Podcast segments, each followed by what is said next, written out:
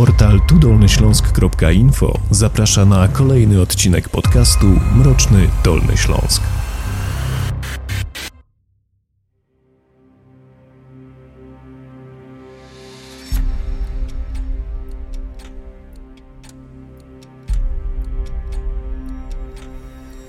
Lubiłem patrzeć, jak ludzie umierają. Wyjaśniał przed wrocławskim sądem okręgowym 37-letni Wałbrzyszanin Krzysztof Gawlik, oskarżony o zastrzelenie w lutym i marcu 2001 roku pięciu osób w Poznaniu i Wrocławiu. Wszystkie zastrzelił z pistoletu typu Skorpion, stąd też jego pseudonim. Krzysztof Gawlik to jeden z najgroźniejszych i najbardziej brutalnych wielokrotnych morderców w powojennej Polsce.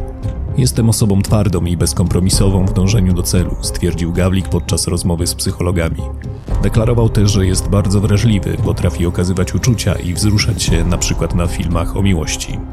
Historia Krzysztofa Gawlika jest jedną z najbardziej drastycznych i szokujących w historii polskiej kryminalistyki. W 2001 roku Gawlik, wtedy 25-letni mężczyzna, popełnił serię morderstw na terenie Poznania i Wrocławia. Zanim zaczął zabijać, Gawlik pracował w kopalni i próbował założyć własną firmę, która skończyła działalność z długami w wysokości prawie 100 tysięcy złotych. W połowie 2000 roku został aresztowany pod zarzutem udziału w wymuszeniach rozbójniczych, ale sąd zamienił mu areszt na poręczenie majątkowe, co umożliwiło mu dalsze działania. Pierwszą jego ofiarą była niespełna 18-letnia prostytutka Sylwia L., której ogłoszenie znalazł w gazecie. Gawlik zabił dziewczynę w wynajętym przez nią mieszkaniu w Poznaniu. Morderca przyjechał do stolicy Wielkopolski rano. Po południu odwiedził mieszkanie Sylwii L., jednak kobieta nie chciała go wpuścić. Wyglądał podejrzanie przez m.in. doklejone wąsy. W domofonie odezwał się głos kobiety. Ja powiedziałem, że się z nią umówiłem telefonicznie. Chciałem skorzystać z okazji, zastrzelić ją i szybko opuścić to miejsce. Po wejściu do mieszkania zapytałem ją, czy mogę skorzystać z toalety, relacjonował Skorpion podczas jednego z przesłuchań. W łazience wyciągnął z torby pistolet i przykręcił tłumik. Po wyjściu strzelił. Po pierwszym strzale ona przewróciła się i upadła na podłogę. Wówczas oddałem do niej jeszcze jeden strzał w głowę. Gdy zorientowałem się, że nie żyje, bardzo szybko opuściłem mieszkanie, mówił mężczyzna. Zawsze działał według takiego samego schematu. Skorpion przeglądał ogłoszenia w autogiełdzie dolnośląskiej, a następnie wybierał swoje ofiary. Po kontakcie telefonicznym umawiał się na spotkanie. Po przybyciu na miejsce udawał się do łazienki, gdzie przygotowywał swoją broń i zakładał tłumik. Potem celnie strzelał w swoje ofiary. 12 lutego 2001 roku w mieszkaniu przy ulicy Piłsudskiego we Wrocławiu znaleziono ciała kobiety i mężczyzny. Byli to uprawiająca nierząd 33-letnia Ukrainka Lesia H. i 29-letni Tomasz S. Mieszkanie pary działało również jako agencja towarzyska. W pomieszczeniu zauważono ślady krwi, które ktoś próbował usunąć. W wyniku sekcji zwłok biegli stwierdzili, że ofiary oprócz ran postrzałowych były również torturowane przed śmiercią. Po popełnieniu zbrodni Krzysztof Gawlik pozostał w mieszkaniu. Nie przeszkadzało mu to, że w innym pomieszczeniu znajdowały się kolejne ciała. Zdenerwowany odobijaniem się do drzwi usiłował szybko pozbyć się dowodów na swoje działania, wyrzucając łuski i niedopałki do reklamówki, a ręcznik, w którym wycielał krew z podłogi, zostawił na miejscu. Następnie uciekł przez balkon na pierwszym piętrze i udał się na dworzec, gdzie kupił bilet i wsiadł do pierwszego pociągu jadącego w kierunku Wałbrzycha. Jego okrutne czyny nie skończyły się na tym. Skorpion powtórzył swoje brutalne działania 10 marca 2001 roku. Jak stwierdził na wrocławskich kuźnikach, nie szedł z zamiarem zabicia kogokolwiek. Spotkał się z Janem K., właścicielem lokalu przy ulicy Majakowskiego we Wrocławiu. Chciał wynająć od niego mieszkanie. Podczas spotkania, które miało dotyczyć wynajmu mieszkania na jeden miesiąc, para nie chciała się na to zgodzić i oczekiwała płatności z góry, co zirytowało Gawlika. Zgodnie z jego zeznaniami, nie zastanawiając się długo, zaczął do nich strzelać. Po chwili, kiedy broń mu się zacięła, jedna z ofiar zaczęła krzyczeć, a Skorpionowi puściły nerwy i w pośpiechu opuścił mieszkanie. Uciekł samochodem do Wałbrzycha. Byli nieugięci. Ta ich postawa zdenerwowała mnie, gdyż nie szła z moimi dalszymi planami. Ja w tym mieszkaniu byłem przecież umówiony z osobami, które miały przyjechać w sprawie zakupu samochodu. Odnotowano zeznania zabójcy. Według relacji innych ludzie lubili jego towarzystwo, ponieważ potrafił ich szanować, nie sprawiał problemów. Twierdził, że nie jest awanturnikiem i łatwo poddaje się otoczeniu. W szkole radził sobie bardzo dobrze, nie miał trudności z nauką. Zawodowo był kierowcą mechanikiem i lubił muzykę rozrywkową. W wojsku nauczył się obsługi broni, był zdyscyplinowanym i dbającym o sprzęt żołnierzem.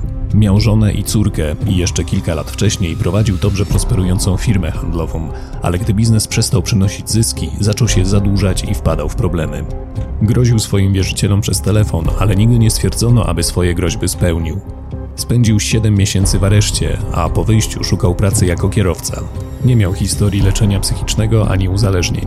Lubił grać na akordeonie. Policja ujęła go przypadkowo. W marcu 2001 roku we Wrocławiu, prowadząc w nocy po pijanemu auto, uderzył w inny samochód, a potem nie stanął do kontroli policyjnej. Gdy zatrzymano go po pościgu, w samochodzie policjanci znaleźli pistolet maszynowy, z którego dokonano pięciu przypisywanych mu zabójstw.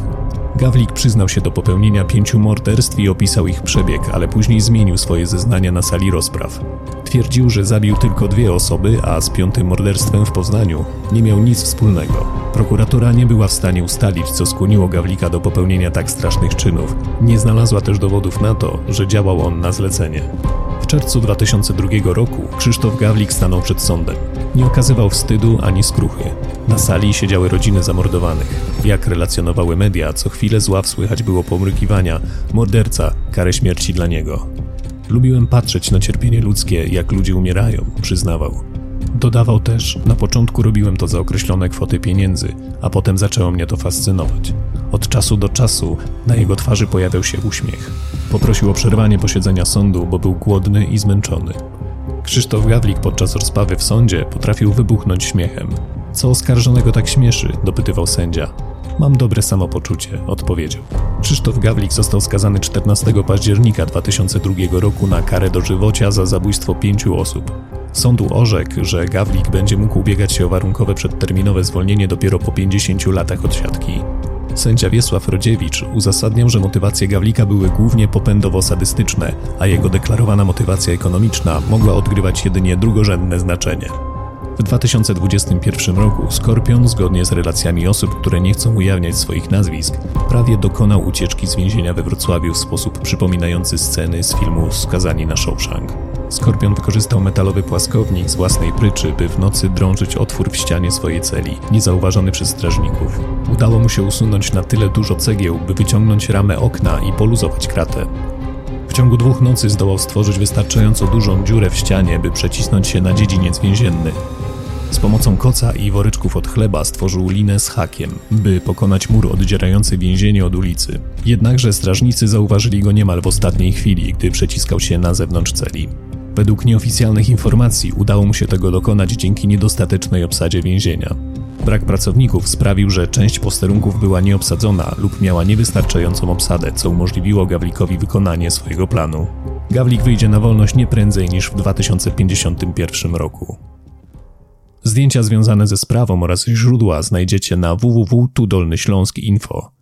Tymczasem życzę Wam dobrego dnia lub wieczoru, w zależności kiedy słuchacie tego odcinka i oby na Wasze ogłoszenia nie odpowiedział żaden skorpion. Zapraszam na kolejny odcinek Mrocznego Dolnego Śląska już wkrótce.